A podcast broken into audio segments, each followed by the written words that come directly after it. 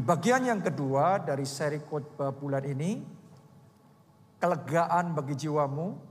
Saya berdoa sementara firman Tuhan ini kita terima bersama-sama, maka dalam hati saudara, dalam jiwa saudara, Roh Kudus mengaruniakan kelegaan. Oke?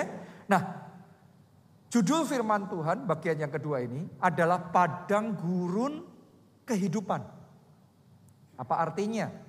Padang gurun itu kita semua tahu tempat yang kering, tempat yang tandus, ditanamin apa pun susah juga, terbatas, tempat yang ekstrim, siang panasnya luar biasa, malam dinginnya juga ekstrim sekali.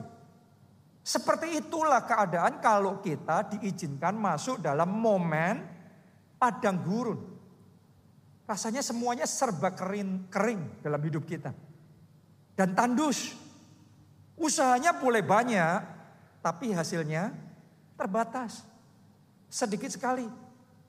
Kayak di padang gurun cuacanya ekstrim.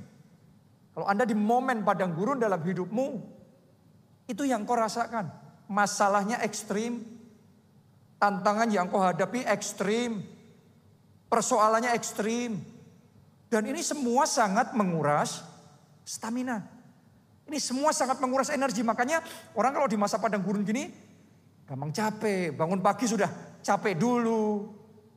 Rasanya capek semuanya. Letih lesu, berbeban berat. Itu sebabnya kebanyakan orang menghindar. Kalau bisa memilih menghindar yang namanya momen padang gurun. Tapi seberapa banyak dari saudara tahu bahwa padang gurun bagian dari ciptaan Tuhan.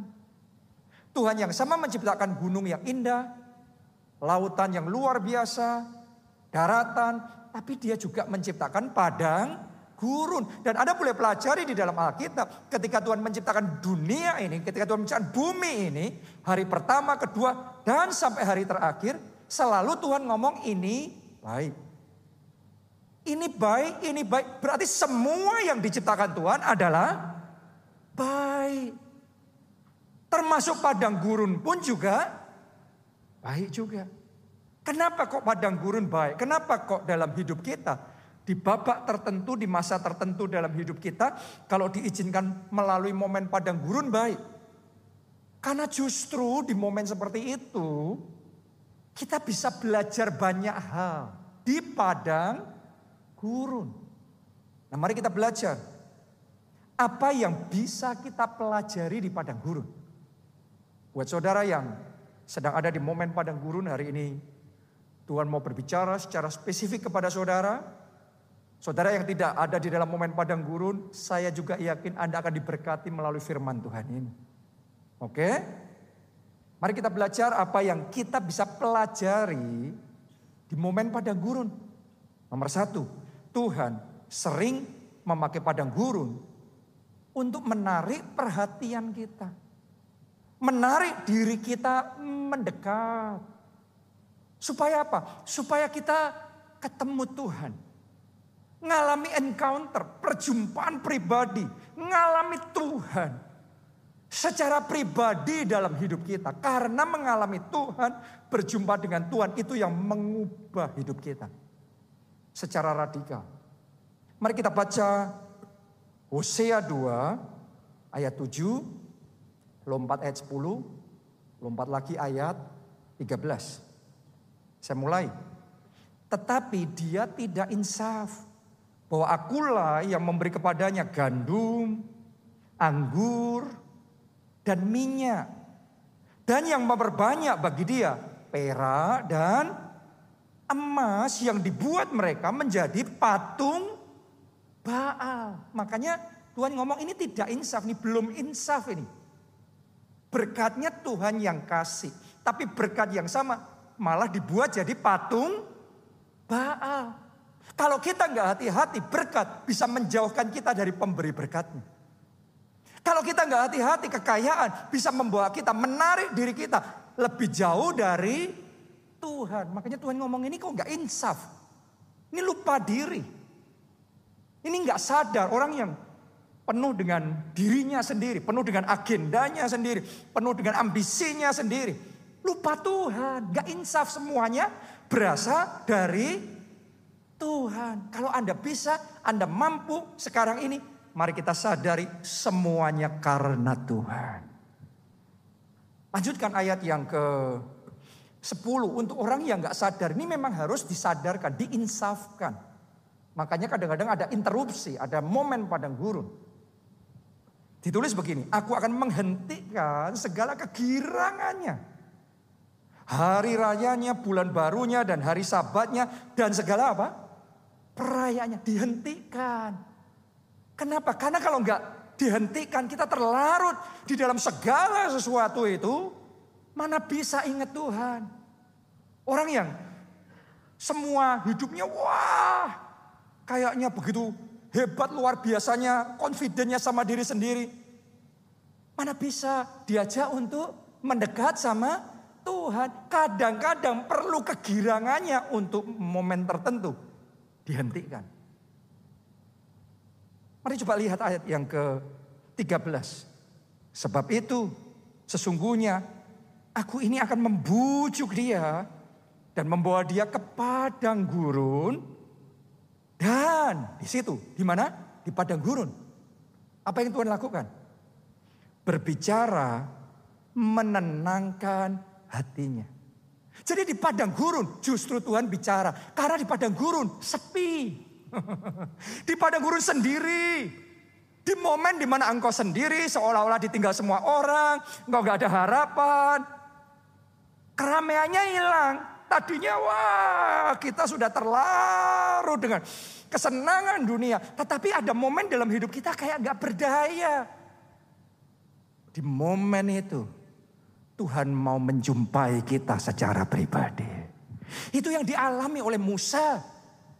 Saya tanya sama saudara, masih ingatkah saudara di mana Musa ketemu sama Tuhan? Di padang gurun, benar nggak? Itu ada semak yang ada apinya, tapi semaknya tidak terbakar. Dan Tuhan ngomong, akulah aku. Dia menyatakan Allah sebagai akulah aku. Di situ Musa ketemu Tuhan. Di situ Musa berjumpa Tuhan. Di mana? Padang gurun. Pada babak sebelumnya dalam hidup Musa. Di istana. Nggak pernah ketemu Tuhan. Di tempat ketika kehidupan begitu lancar. Semuanya setiap hari pesta. Semuanya indah.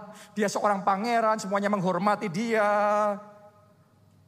Seolah-olah nggak bisa ketemu Tuhan, nggak dengar Tuhan, jauh dari Tuhan. Tapi ketika semuanya dilucuti dari dia, dia masuk momen padang gurun, diizinkan dalam keadaan yang persis sebaliknya. Di padang gurun itu, Musa berjumpa dengan Tuhan. Saya berdoa setiap pribadi di tempat ini Apa pun yang sedang kau lalui sekarang, melalui semuanya itu, engkau dibawa semakin mendekat sama Tuhan. Bahkan sampai berjumpa, ketemu pribadi sama Tuhan. Karena ketika kita ketemu Tuhan, hidup kita diubahkan. Itu Musa-Musa yang sama yang tadinya seorang pangeran. Yang dididik dari kecil dengan pendidikan terbaik. Ilmu pengetahuan terbaik, filosofi yang paling hebat pada zaman itu dia sangat confident sama dirinya sendiri. Tapi sampai di titik tertentu, di padang gurun itu dia merasa tidak berdaya, semuanya sia-sia. Tapi di situ ternyata Tuhan sedang mengajar Musa untuk mengandalkan Tuhan. Tuhan mengajar Musa untuk berjalan dengan kuasa Allah. Orang kalau sudah sukses sendiri, pintar sendiri, kita akan punya tendensi buat rencana sendiri, berpikir sendiri, strategi sendiri, semuanya sendiri tanpa Tuhan. Saya mau ngomong sama saudara, saya nggak ngomong ini salah ya. Tetap saudara harus berpikir, membuat strategi, membuat rencana, kerja keras, ini harus. Tapi satu hal yang lebih dari semuanya itu, belajar andalkan Tuhan. Belajar bergantung sama Tuhan. Belajar bergerak dengan kuasa Tuhan. Tadinya Musa bergeraknya dengan kekuatan hartanya, bergeraknya dengan koneksinya, jaringannya. Tapi sekarang Tuhan ngajari di padang gurun. Saat semuanya dilucuti dari hidupnya. Gak ada apa pun yang dia bisa pegang, dia bisa pakai. Di situ Tuhan ajari Musa untuk berjalan dengan kuasa Tuhan. Saya rasakan ada orang-orang di tempat nih, Tuhan sedang didik dan ajari saudara untuk berjalan dengan kuasa Tuhan. Berbisnis dengan kuasa Tuhan. Mengejar visi impian saudara dengan kuasa Tuhan. Menyelesaikan proyek-proyek dengan kuasa Tuhan. Itu perlu diajari. Dan Musa mengalami itu di padang gurun. Tapi sudah lihat begitu Musa selesai momen padang gurunya. Tuhan bangkitkan Musa kembali ke Mesir. Dia sendirian berhadapan dengan seluruh kekuatan Mesir. Kalau dulu dia sebagai pangeran pun menghadapi kekuatan Mesir, nggak mungkin menang. Tapi sekarang dia sendirian menghadapi seluruh kekuatan Mesir. Ada kuasa Allah yang menyertai.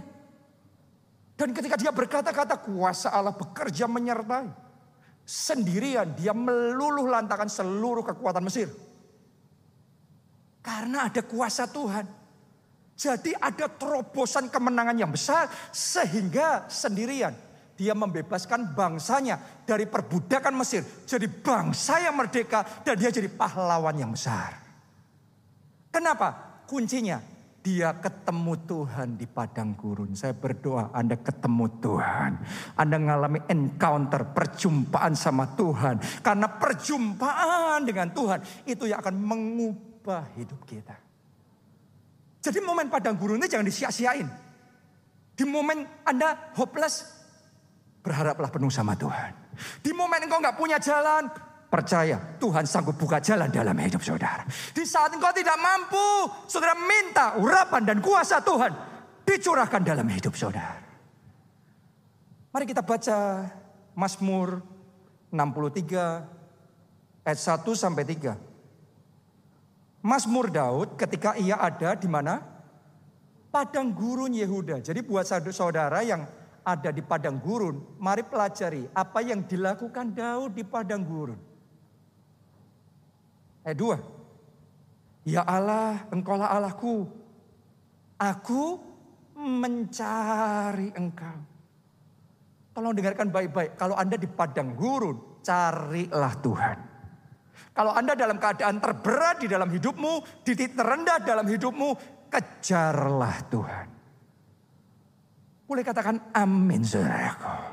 Anda mau di padang gurun, kalau Anda di padang gurun, Anda mau cari manusia, Anda akan manusia, Anda akan dikecewakan, Anda akan ditinggalkan. Di padang gurun, carilah Tuhan. Dalam keadaan apa pun saudara sekarang, jangan lupa, dekat Tuhan. Dekat Tuhan, jangan jauh, dekat sama Tuhan. Lanjutkan pembacaan tadi. Aku mencari engkau Jiwaku haus kepadamu. Saya berdoa kehausan dan kelaparan roh itu dibangkitkan dalam hati saudara. Amin. Di padang gurun kita, kita ini perlu punya. Karena Tuhan ngomong yang haus bahagia, dia dipuaskan. Berbahagia yang lapar, dia dikenyangkan. Jadi kalau Anda mengalami sesuatu dari Tuhan, Anda menghauskannya. Expect something. Anda dengarkan firman seperti ini, Anda haus atau tidak. Anda expect something, harapkan sesuatu apa tidak. Itu menentukan Tuhan puaskan apa tidak. Tuhan penuhi apa tidak. Ada orang mendengarkan firman Tuhan tanpa kehausan. Anda pulang tidak dapat apa-apa. Tapi ada orang mendengarkan firman Tuhan siap terima sesuatu. Maka saudara akan dipuaskan dan dikenyangkan. Di padang gurun ketika semuanya kering. Hauskan Tuhan. Lebih dari engkau mengharapkan pertolongan manusia. Harapkan pertolongan yang dari Tuhan. Amin. Aku mencari engkau, jiwaku haus kepadamu, tubuhku rindu kepadamu seperti tanah yang kering dan tandus, tiada berair. Demikianlah aku memandang kepadamu di tempat kudus sambil melihat kekuatanmu dan kemuliaanmu. Aku memandang kepadamu. Paling gampang untuk memandang Tuhan di padang gurun. Karena kalau di istana, di mall, banyak pemandangan yang lain. Yang jadi distraction, yang mengalihkan fokus kita. Tapi di padang gurun gersang, nggak ada apa-apa di sana. Saudara akan lebih gampang fokus sama Tuhan. Itu momen kita belajar fokus sama Tuhan. Jadi kalau saudara sedang mengalami momen padang gurun dalam hidupmu belajarnya memandang Tuhan. Pandanglah kekuatan dan kemuliaannya. Karena begitu saudara bisa ngeliat itu. Ngeliat kekuatan dan kemuliaannya. Dan kuasanya menyertai saudara. Hidupmu nggak akan sama lagi. Kalau tadinya Anda berjalan dengan pikiran saudara. Kekuatanmu sendiri. Itu aja sudah hebat. Sekarang Anda belajar berjalan dengan hikmat Tuhan, dengan kuasa Tuhan, maka yang akan Anda alami apa yang tidak dilihat mata, tidak didengar telinga, tidak timbul dalam hati manusia, Tuhan berikan kepada saudara. Kita kasih tepuk tangannya yang paling meriah. Itu sebabnya yang akan terjadi. Lebih dari yang kau pikirkan dan bayangkan. Tuhan kerjakan dalam hidupmu. Seperti Musa prestasinya beyond himself sampai ribuan tahun sampai hari ini masih dibicarain terus. Kenapa? Dia belajar berjalan dengan kuasa Tuhan. Saya ngalami pengalaman yang seperti itu juga. Dulunya saya so full of myself. Penuh sama diri saya sendiri. Saya sejak dari kecil bawaannya confident. Percaya dirinya besar. Bahkan cenderung sombong. Sampai di momen tertentu dalam hidup saya saya diizinkan dibanting ke bawah. Saya diizinkan merasa tidak berdaya. Ketika saya merintis gereja kita di Jogja sekian tahun yang lalu.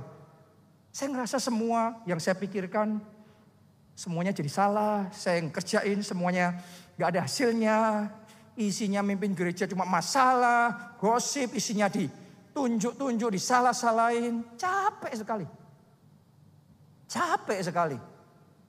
Tapi Tuhan izinkan kayak gitu. Kenapa? Karena Tuhan sedang mau didik saya. Tadinya saya mikir sendiri, saya buat rencana, buat strategi sendiri. Tapi di momen padang gurun ketika saya semua mengalami kegagalan, semuanya gagal, semuanya nggak ada hasilnya. Sekarang saya sadar, tanpa Tuhan aku bukan apa-apa.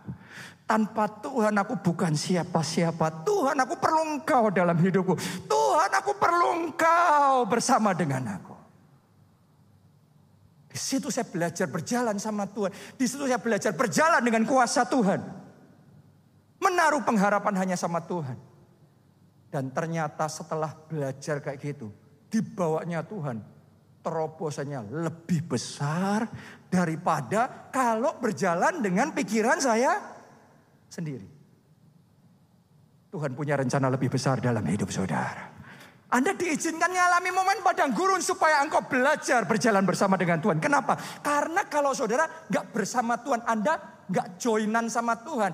Engkau bisnis sendiri, kerja sendiri, berjuang sendiri. Limited, terbatas. Tapi engkau join sama Tuhan, tiba-tiba unlimited. Kapasitasmu diperbesar. Selama ini kita nggak ngerti, kita harus sendiri-sendiri. Belajar kongsian sama Tuhan. Joinan sama Tuhan. Belajar berjalan sama Tuhan. Kerja sama Tuhan. Kejar visi impian bersama Tuhan. Maka tiba-tiba powermu diperbesar. Kapasitasmu diperbesar. Koneksimu diperbesar. Pintu-pintu dibukakan. Kemenangan lebih besar Tuhan kerjakan. Itu sudah lebih dari diri kita. Kongsian itu kan kita sendiri nggak bisa, tapi bersama-sama jadi lebih besar. Sekarang jalan sama Tuhan. Jadi momen padang gurun ini sadari Tuhan sedang mendidik saudara supaya belajar jalan sama Tuhan, kerja sama Tuhan, partnership sama Tuhan, kongsian sama Tuhan, belajar untuk minta hikmat Tuhan. Karena Allah punya rencana yang besar dalam hidup saudara. Rencananya terlalu besar untuk pemikiranmu sendiri, kekuatanmu sendiri, modalmu sendiri. Rencananya lebih besar. Dan saya berdoa tahun ini Tuhan kerjakan terobosan yang spesial terjadi dalam hidup saudara. Katakan amin, tepuk tangannya yang lebih meriah buat Tuhan kita. Yang kedua, Tuhan memakai padang gurun untuk melatih kita demi kebaikan kita. Pelatihan itu selalu susah karena memang kita belum bisa tapi itu sebabnya kita dilatih. Sehingga akhirnya jadi bisa. Karena itu pelatihan demi kebaikan. Ulangan 8 ayat 14 sampai 16. Jangan engkau tinggi hati sehingga engkau melupakan Tuhan Allahmu yang membawa engkau keluar dari tanah Mesir, dari rumah perbudakan, dan yang memimpin engkau. Apa kalimat berikutnya? Apa? Melalui padang gurun. Perhatikan kata ini, melalui. Semuanya katakan melalui. Melalui padang gurun berarti padang gurun tujuan akhir atau hanya lewat? Hanya lewat. Tolong lihat ke depan sini. Dengarkan baik-baik. Masalahmu itu hanya lewat. Bukan masalah permanen, bukan persoalan permanen, itu sementara. Haleluya. Jadi jangan berpikir keadaanmu, masalahmu, pergumulanmu itu Wah, sudah ini nasibku memang kayak gini. No, bukan nasibmu kayak gitu. Tuhan menuntut melalui padang gurun. Lah kok padang gurun bukannya dia gembala yang baik yang menuntun kita di padang berumput hijau dan air yang tenang. Ternyata Tuhan yang sama bisa menuntun di momen tertentu di padang berumput hijau air yang tenang. Tapi di momen tertentu Tuhan juga bisa menuntun ke padang gurun. Melalui padang gurun. Jadi belum tentu kalau keadaan saudara hadapi berat itu bukan Tuhan yang menuntun saudara. Belum tentu kalau semuanya ringan, indah dan baik-baik selalu itu dari Tuhan. Belum tentu. Kadang-kadang diizinkan melalui padang gurun. Kenapa? Mau dididik sama Tuhan. Mau diajari. Kenapa kok gitu? Karena di padang gurun ada something. Mari baca terus ayat itu. Padang gurun yang apa? Besar dan dahsyat itu. Wow. Ada momen tertentu dalam hidup kita, kita akan ngomong, masalahku kali ini besar dan dahsyat.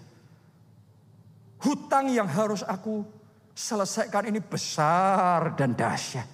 Persoalan keluarga kali ini kesalahpahamannya besar dan dahsyat. Kerumitan dalam persoalan ini besar dan dahsyat. Coba lihat, isinya apa? ketika kita masuk dalam padang gurun yang besar dan dahsyat itu. Lanjutkan. Padang gurun yang besar dan dahsyat itu dengan apa?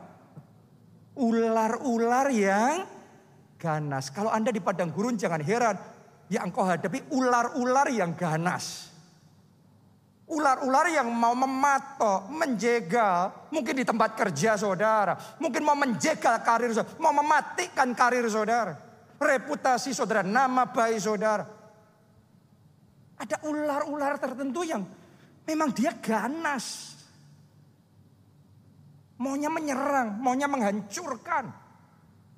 Tapi saya berdoa di dalam nama Yesus setiap ular yang mau menghancurkan hidup saudara saat ini juga dihancurkan oleh Tuhan.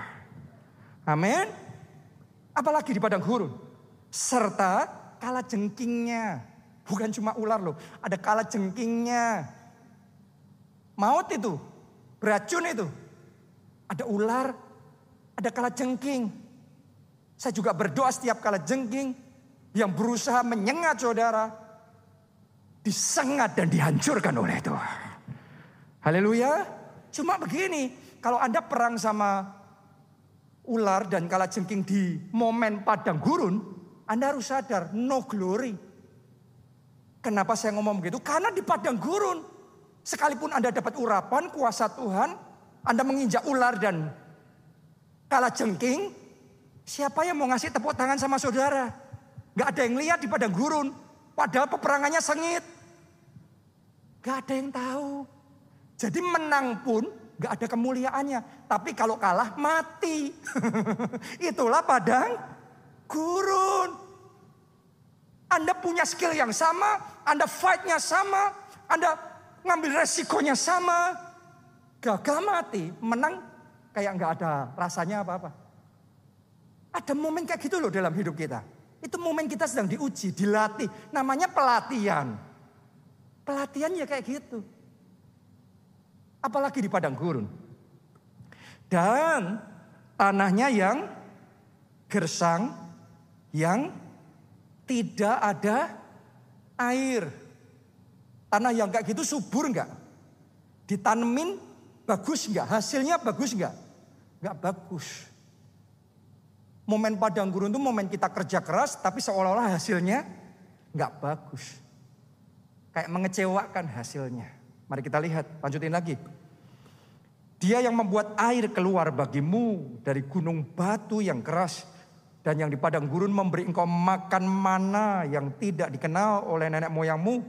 Supaya direndahkannya hatimu dan dicobainya engkau. Wow, ini momen padang gurun. Supaya direndahkannya hatimu dan dicobai engkau.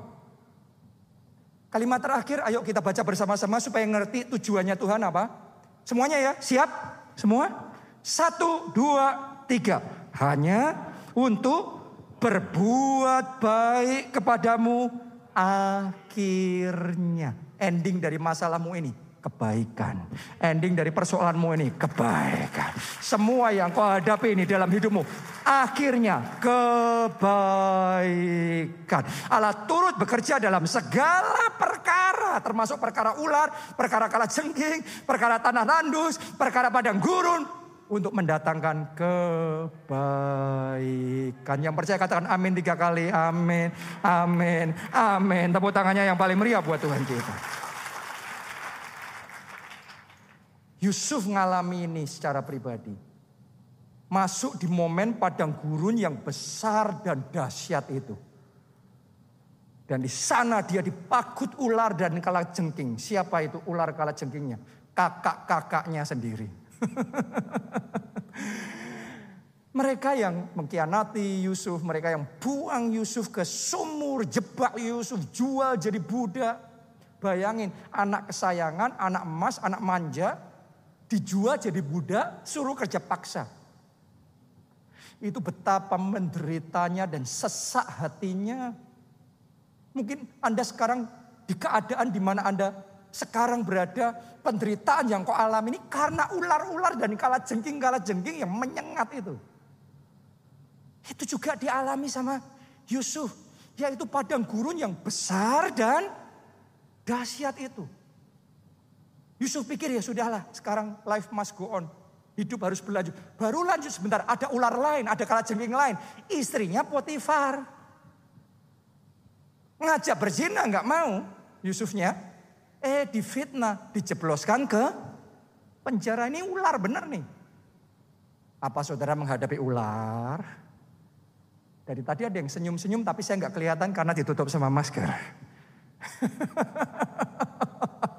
Tapi di padang gurun memang banyak ular dan kalah jengkingnya. Dan Yusuf sangat menderita karena itu.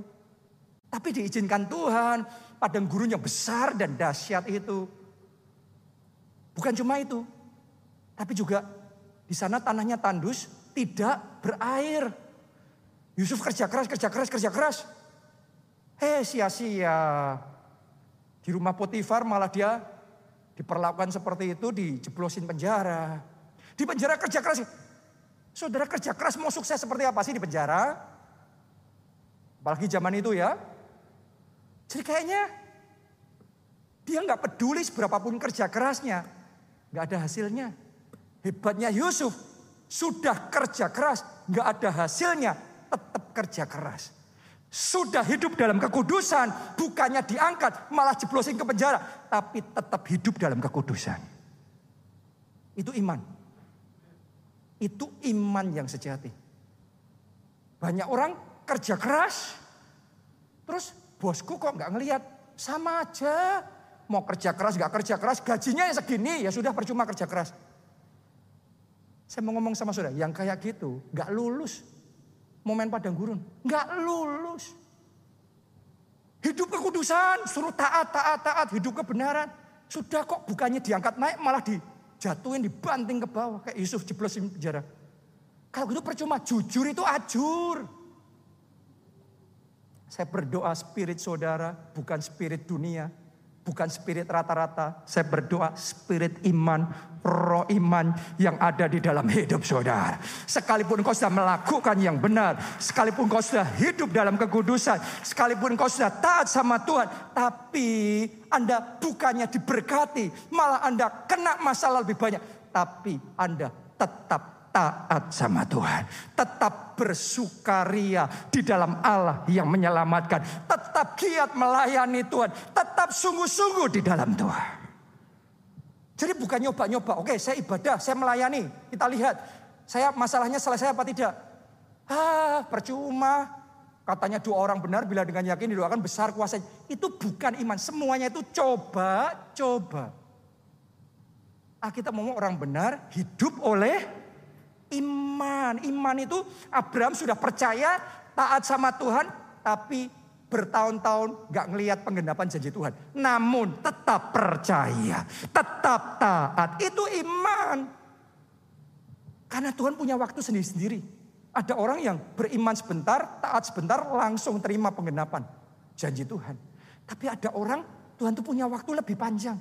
Tapi lebih panjang bukan berarti lebih jelek. Biasanya lebih panjang karena rencana Tuhannya lebih besar. Seperti hanya bangunan lebih lama, lebih dalam gali ke bawahnya. Lebih tinggi bangunan naik ke atas. Wow. Jadi Anda harus ngerti Tuhan itu punya waktunya. Yusuf hebat sekali.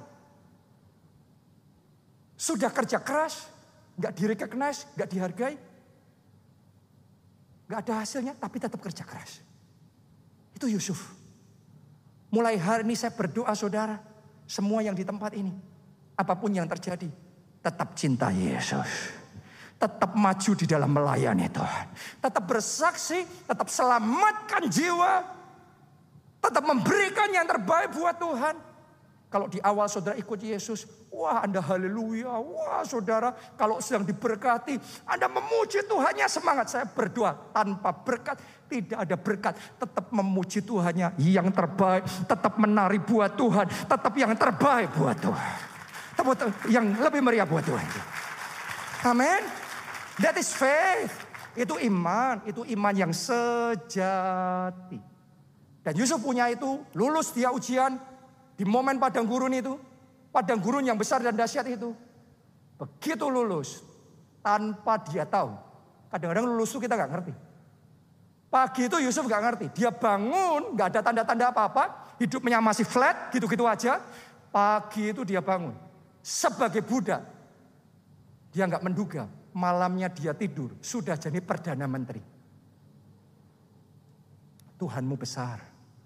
Padang gurunmu boleh besar, jangan lupa Tuhanmu lebih besar. Padang gurunmu bisa dahsyat, persoalanmu bisa dahsyat. Jangan pernah lupa ingatkan diri sendiri, Tuhanmu lebih dahsyat. Boleh katakan amin. Tepuk tangannya yang meriah buat Tuhan. Amin. Haleluya. Ayo jaga api, tetap on fire. Tetap menyala-nyala. Tetap semangat. Semangatnya bukan saat lagi wah dapat angin. Saat gak dapat angin, gak ada angin. Tetap semangat. Api seperti itu yang perlu kita punya di dalam hidup kita. Semangat bukan saat ekonomi baik. Mau resesi, kita tetap semangat. Mau pandemi, kita tetap semangat. Dalam segala kondisi, kita tetap semangat. Karena buat saudara yang nangkep itu, momenmu akan segera tiba.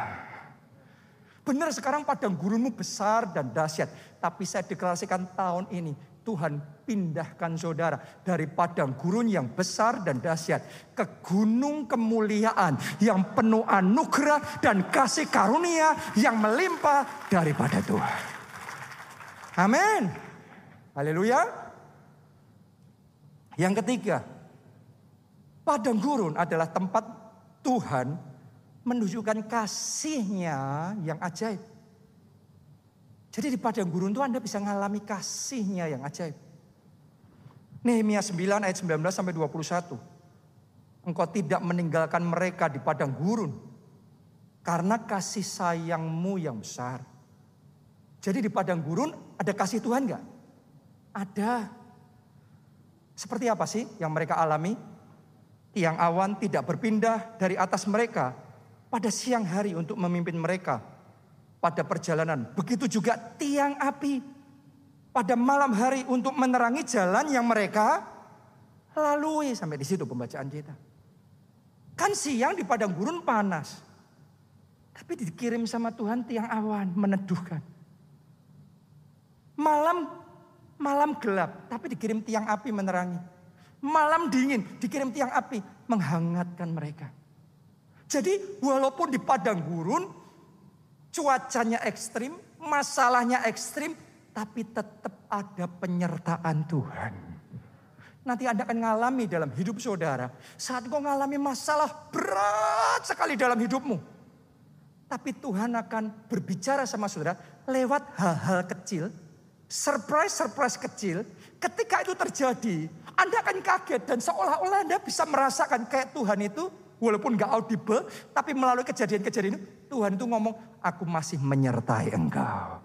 Aku tidak meninggalkan engkau. Aku tetap berjalan bersama denganmu. Teguhkan dan kuatkan hatimu. Saya rasakan bahkan saat ini Tuhan sedang ngomong sama beberapa orang di tempat ini yang sempat bertanya-tanya. Apa Tuhan masih menyertai saya? Apa apa yang saya kerjakan ini benar hari ini? Teguhkan, kuatkan hati saudara. Tuhan tidak pernah meninggalkan, Tuhan tetap menyertai. Boleh katakan amin. Kita kasih tepuk tangannya boleh yang paling meriah buat Tuhan kita. Amin. Jadi alami kasihnya yang ajaib. Di padang gurun yang besar dan dahsyat. Bukan hanya di padang berumput hijau dan air yang tenang Alami kasihnya yang ajaib bukan saat hujan berkat saja. Tapi ada momen saat kita hujan tetesan air mata pun. Di situ kasihnya siap menyerbu hidup kita. Jadi dalam kondisi apa pun dalam hidup saudara. Alami kasihnya yang ajaib. Haleluya. Dalam kondisi pergumulan paling berat dalam hidup saudara Alami kasihnya yang ajaib. Apa yang harus kita lakukan di padang gurun? Buka hati sama Tuhan. Karena Tuhan tuh melalui padang gurun itu kan cuma ngajarin kita gitu aja. Sehingga kita ready untuk rencana Tuhan. Jadi buka hatimu bisa diajari Tuhan dengan gampang. Jangan keraskan hati. Kalau di padang gurun kita mengeraskan hati, kita gagal di tengah jalan. Akhirnya kehilangan apa yang indah Tuhan sudah sediakan. Coba saudara renungkan. Yusuf kalau disakiti sama kakak-kakaknya dikhianati seperti itu. Terus kemudian dia mengeraskan hatinya jadi keras karena gara-gara kakak-kakakku. Aku terlunta-lunta, aku menderita. Terus dendam kesumat, benci mati, mau balas kakak-kakaknya. Saya tanya sama saudara, Tuhan angkat dia nggak jadi Perdana Menteri? Nggak mungkin.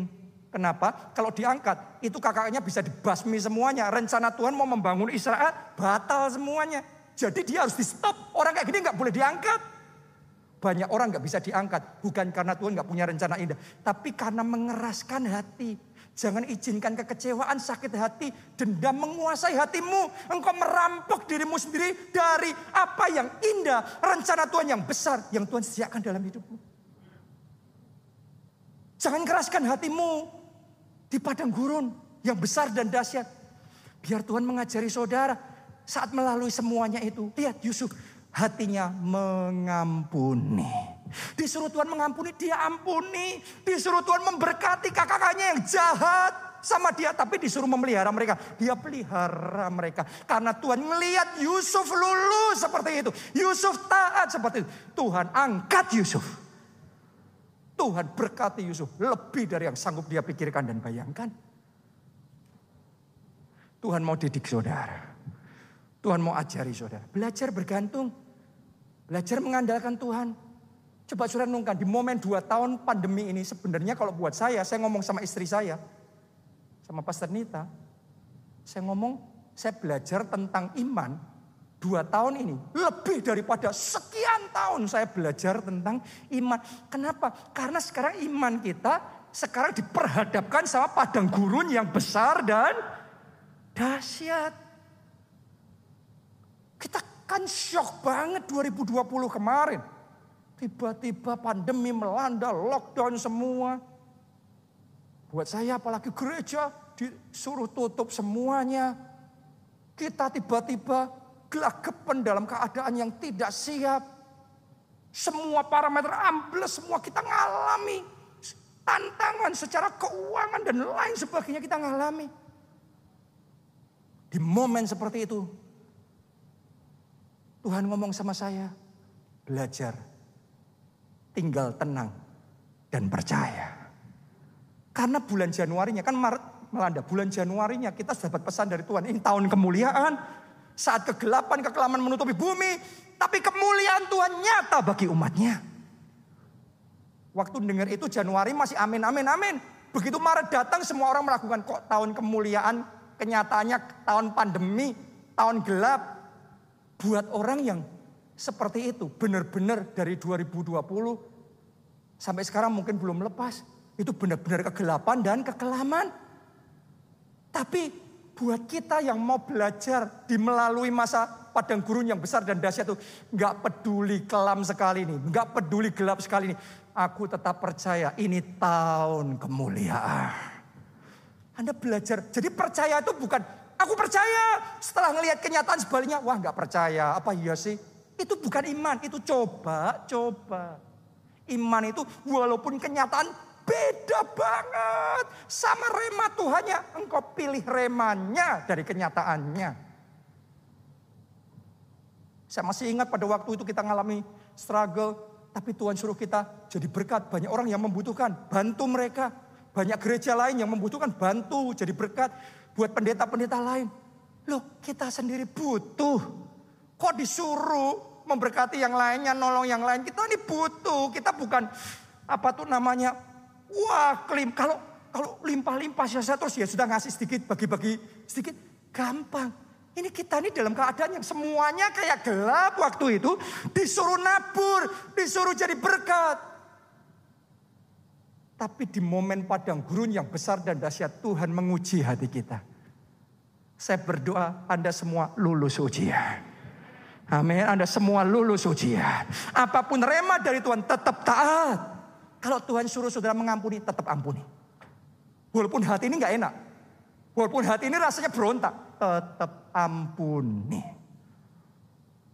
Kalau Tuhan suruh saudara melayani, tetap melayani tetap bersaksi, selamatkan jiwa. Saya masih ingat waktu 2020 ya, semua saudara di Jakarta ini boleh dikatakan hampir semua gereja tutup semua. Walaupun pemerintah sudah boleh. Tapi Tuhan ngomong sama saya, buka ibadah onsite. Kalau saya lihat kiri, lihat kanan, pendeta-pendeta yang lebih diurapi, lebih berpengalaman, gak ada yang buka. Tapi Tuhan tuh sedang ngajarin saya pribadi, Sekalipun yang lainnya seberapa pun diurapinya. Enggak. Tapi Tuhan yang ngomong kita melangkah. Taat. Saat semua proyek pembangunan di Jakarta berhenti. Hotel berhenti, apartemen berhenti, semua berhenti. Tapi Tuhan bicara di hati saya. Pembangunan gedung gereja kita dipik lanjut. Kalau sekarang kita sudah ngelihat kayak gini gampang untuk wah percaya bagi Tuhan tidak ada yang mustahil. Tapi 2020 Anda ada di situ. Apa keputusan saudara? Itu nggak gampang. Tapi di situ kita belajar percaya. Kita belajar taat. Dan taat sama Tuhan itu indah. Tanamkan itu, taat sama Tuhan itu indah.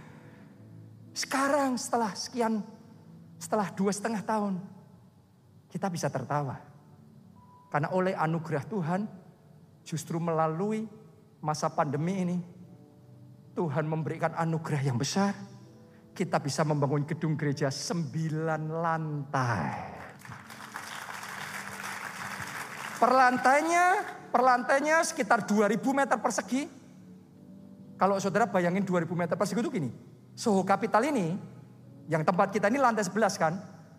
Lantai 11 ini 1500. Jadi ruang ibadah ini, kids, sekretariat sana, semuanya. Itu 1500 per lantai. Di tempat ini kita satu lantai.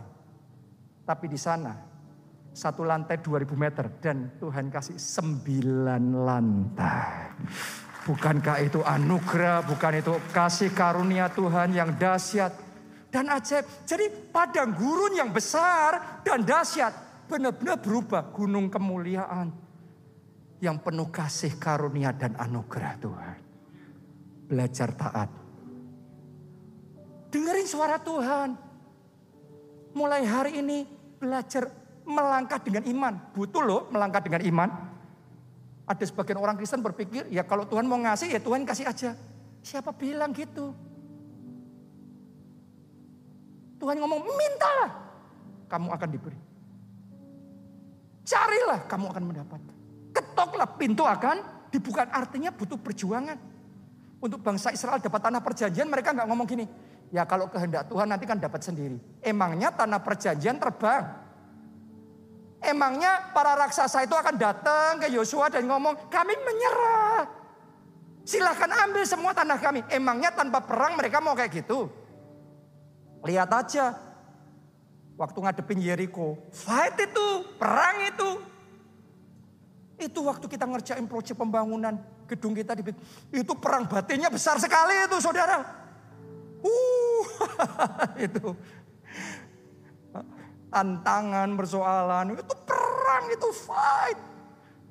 Jadi harus ambil langkah iman, jangan ngomong, ya disuruh mengampuni, disuruh beresin masalah. Ya sudah, kalau dia yang datang duluan, saya maafin. No, Anda yang datang, beresin. Itu langkah iman. Rendahkan hati. Itu langkah iman. Kalau Tuhan suruh Anda maju melayani, jangan diam aja. Aktif, ketaatan itu aktif. Maju melayani Tuhan, komitmen sungguh-sungguh.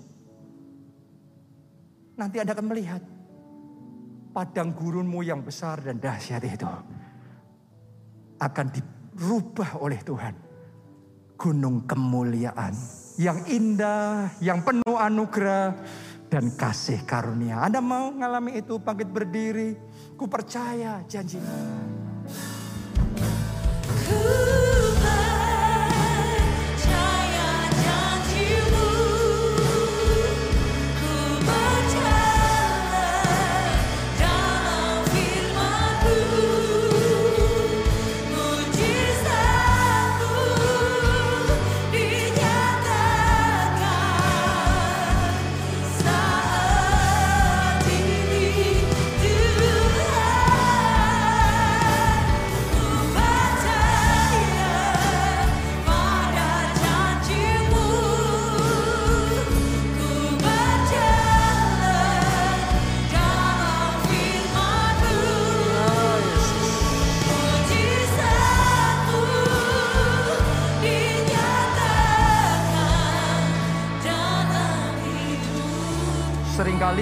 hati kita akan ada pertentangan antara percaya, nggak percaya, percaya, nggak percaya. Saat dengar firman gini, iman kita bangkit, percaya, amin. Begitu balik ngadepi kenyataan, gelap dan kelam semuanya. Kita mulai bimbang dan ragu, kita mulai apa iya ya. Oh hari ini tetapkan hati saudara. Sudah kerja keras, nggak dianggap, nggak diapresiasi, tetap kerja keras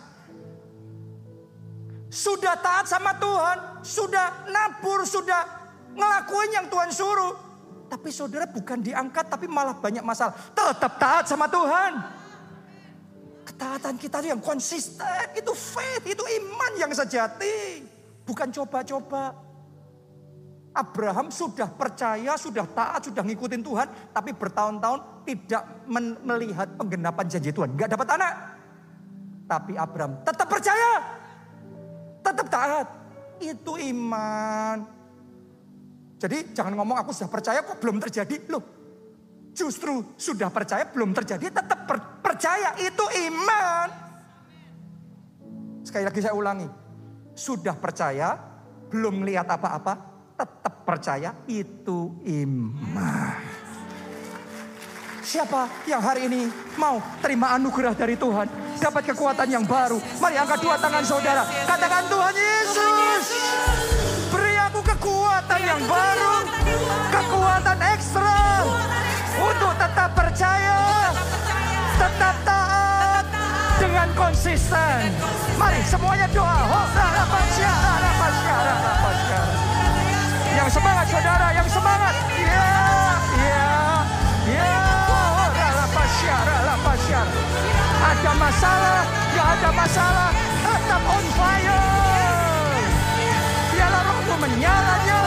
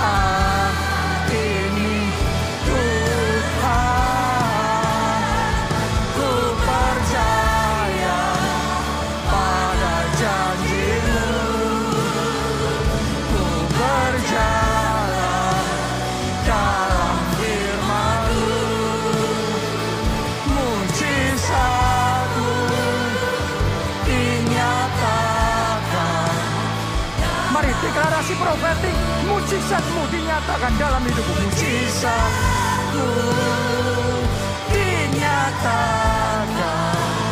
Dan sekali lagi, deklarasikan, deklarasikan. Dinyatakan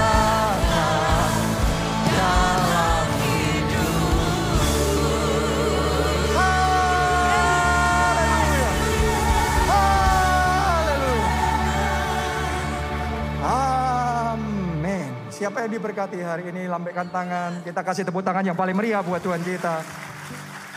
Jangan lupa ya, sudah percaya, belum melihat penggenapan janji Tuhan.